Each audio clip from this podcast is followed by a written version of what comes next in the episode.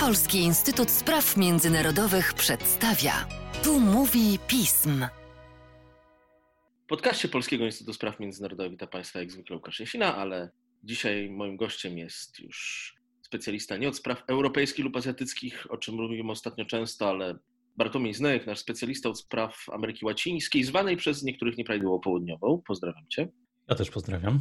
Dzisiaj porozmawiamy sobie o tym państwie, choć oczywiście też wspomniło o paru innych, Ameryki Łacińskiej, która akurat mówi językiem portugalskim dzięki temu, że swego czasu królowie katolicy u papieża załatwili taki, a nie inny przebieg granicy. O Brazylii, o sytuacji epidemiologicznej w Brazylii w ciągu ostatniego czasu, ale też, a może i przede wszystkim, i od tego pewnie zaczniemy, od tego, jak ta sprawa znana na całym świecie, w specyficznie brazylijskim kontekście wpływa na tamtejsze życie polityczne i w ogóle na istnienie i organizację kraju. Więc powiedz nam, Bartku, jak to jest w największym kraju Ameryki Południowej?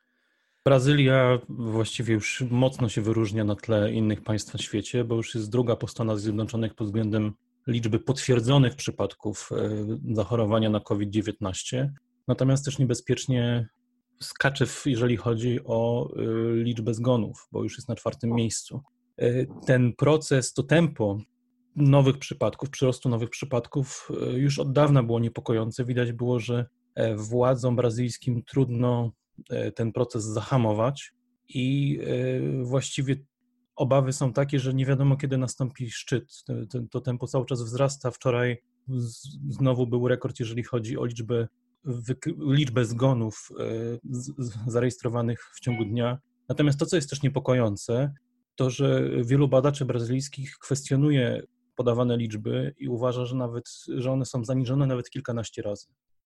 Czyli to jest ten sam etap braku zaufania, który mamy w wielu sytuacjach. On się zdarza w mniejszonej skali w Polsce, on jest ogromny na przykład w Rosji. Czym to jest uzasadnione? Czy brakiem zaufania do systemu państwowego, czy mają to też jakiś wpływ podziały polityczne, które są bardzo głębokie w Brazylii?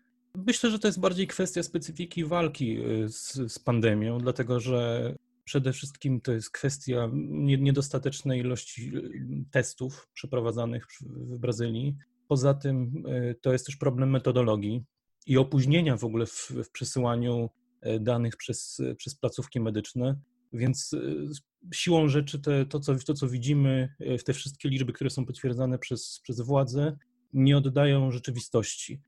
Ważny tutaj, ważna uwaga, jeżeli chodzi o Brazylię, jest taka, że jest to państwo federalne, więc pamiętajmy o tym, że jest kilka poziomów władz i ten problem koordynacji, spójności podejścia jest bardzo widoczny dlatego że rząd federalny akurat tutaj ma podejście antyrestrykcyjne. Przede wszystkim e, chce zadbać o to, żeby funkcjonowała gospodarka, natomiast ciężar e, decyzji dotyczących wprowadzania ograniczeń wzięły na siebie władze stanowe i władze municypalne.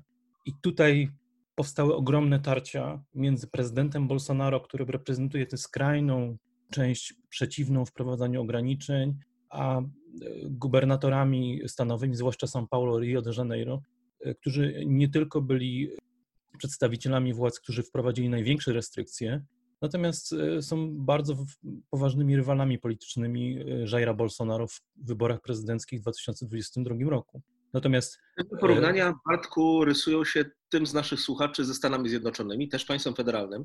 Czy to nie są porównania takie trochę na wyrost? To jest jednak państwo w zupełnie innej sytuacji.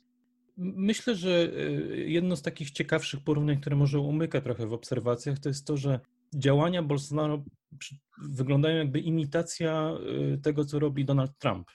Chodzi o bagatelizowanie zagrożenia, mówienie o tym, że Brazylia sobie poradzi, promowanie leków, które niekoniecznie są zweryfikowane klinicznie. Mówię tutaj o chlorokinie, która jest stosowana e, w, w leczeniu malarii. Natomiast y, jest to jakiś punkt, który łączy te rządy i też y, to, co można zauważyć, to duży nacisk rządu brazylijskiego na współpracę ze Stanami Zjednoczonymi. Ostatnio była taka wiadomość właśnie, że Stany Zjednoczone przysłały bardzo duży, e, du, du, duży zapas e, hydrochlorokiny. Natomiast ten lek jest jednym z powodów dosyć dużych tarć w rządzie między prezydentem Bolsonaro i ministrami zdrowia, bo trzeba tutaj zaznaczyć, że tych ministrów było dwóch już podczas pandemii.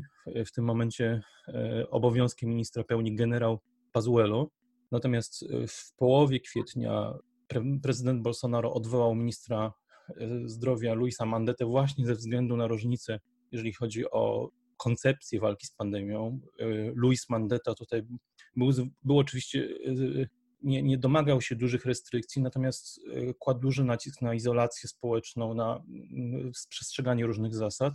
Ale myślę, że to, co, to, co też było problemem, to Mandetta e, zyskał dużą popularność e, wśród Brazylijczyków. Na początku kwietnia, kiedy popularność polityki prezydenta Bolsonaro w tej, w tej działań przeciwdziałających pandemii spadło do 30%, Luis Mandetta e, miał poparcie ponad 3 czwartych Brazylijczyków. Kolejny e, minister, e, Nelson Teich, który został powołany przez Bolsonaro na miejsce Mandety, wytrzymał na stanowisku miesiąc.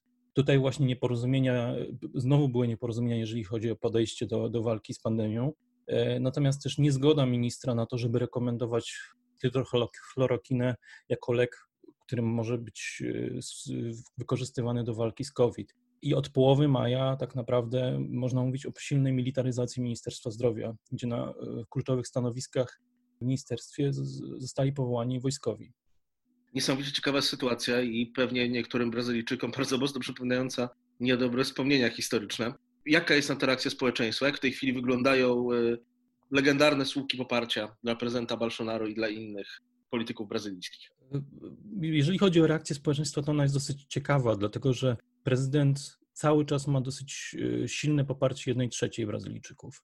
To, to poparcie dla jego działań spada, natomiast e, ta jedna trzecia ma duże znaczenie w tym, żeby uniemożliwić scenariusz, którego oczekują krytycy Bolsonaro, czyli impeachment. To jest coś, to jest, to jest hasło, które pojawia się coraz częściej, natomiast jest tutaj dużo przeszkód, między innymi to na przykład, że, że prezydent Bolsonaro zdobył bardzo potrzebne poparcie e, części takiej, która się nazywa, części e, partii w parlamencie, która się nazywa Central. To jest taki blok partii klientelistycznych, które po prostu w, z łatwością popierają prezydenta, oczywiście za, za jakieś korzyści. I te korzyści to na przykład mianowanie na jakieś ważne stanowiska w instytucjach państwa. Więc jeżeli chodzi o to poparcie, to ono jest dosyć stabilne i tu chciałbym też podkreślić, że te, tę walkę z pandemią i podejście Bolsonaro charakteryzuje też bardzo duża, y, bardzo e, intensywny proces polaryzacji społeczeństwa.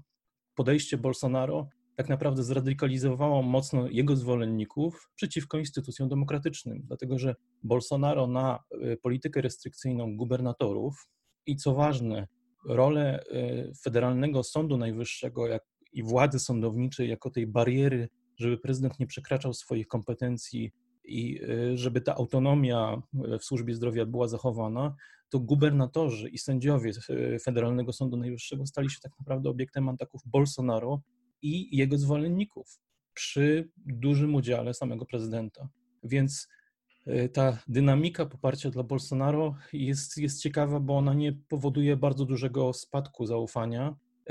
Bolsonaro może nie budzi jakichś dużego zaufania, jeżeli chodzi o podejście do, e, do pandemii, natomiast to jego podejście antyrestrykcyjne, bagatelizowanie zagrożenia wpływa mocno na to, że to społeczeństwo jest mocno rozdarte. Czyli nie pomaga Brazylijczykom zjednoczeniu i potwierdza wielu Brazylijczyków obawy. Bartku, a mm, jak to się przekłada na relacje Brazylii z państwami sąsiednimi, w których też poprowadzono różnego rodzaju ograniczenia, w których niejednokrotnie podejście jest inne? Mamy jednak do czynienia z kwestią, w której to sąsiedztwo jest ważne, w którym buduje się różnego rodzaju wspólne przedsięwzięcia, w którym gospodarka jest przez to bardzo zagrożona. Jak to wygląda? Y, myślę, że jedna z rzeczy, która tutaj y, jest, jest charakterystyczna, to jest to, że, że te kraje bardziej polegają na tym, na swoim, swoich wysiłkach niż na współpracy. Natomiast no. zgadza się to, o, o czym mówisz, że, że ta perspektywa państw sąsiadujących z Brazylią jest tutaj skomplikowana. Argentyna y, na przykład wyróżnia się bardzo, jeżeli chodzi o bardzo o, o szybką reakcję i y, silnie restrykcyjne ograniczenia i wzmocnienie pozycji prezydenta Alberto Fernandeza jako faktycznie tego lidera, który konsekwentnie próbuje walczyć z pandemią. Natomiast y, sytuacja w Brazylii budzi ogromne obawy o to, że nawet jeżeli w Argentynie czy w Paragwaju na przykład uda się zapanować na, nad, tempem rozwoju e, pandemii, to sytuacja w Brazylii może stanowić tutaj zagrożenie.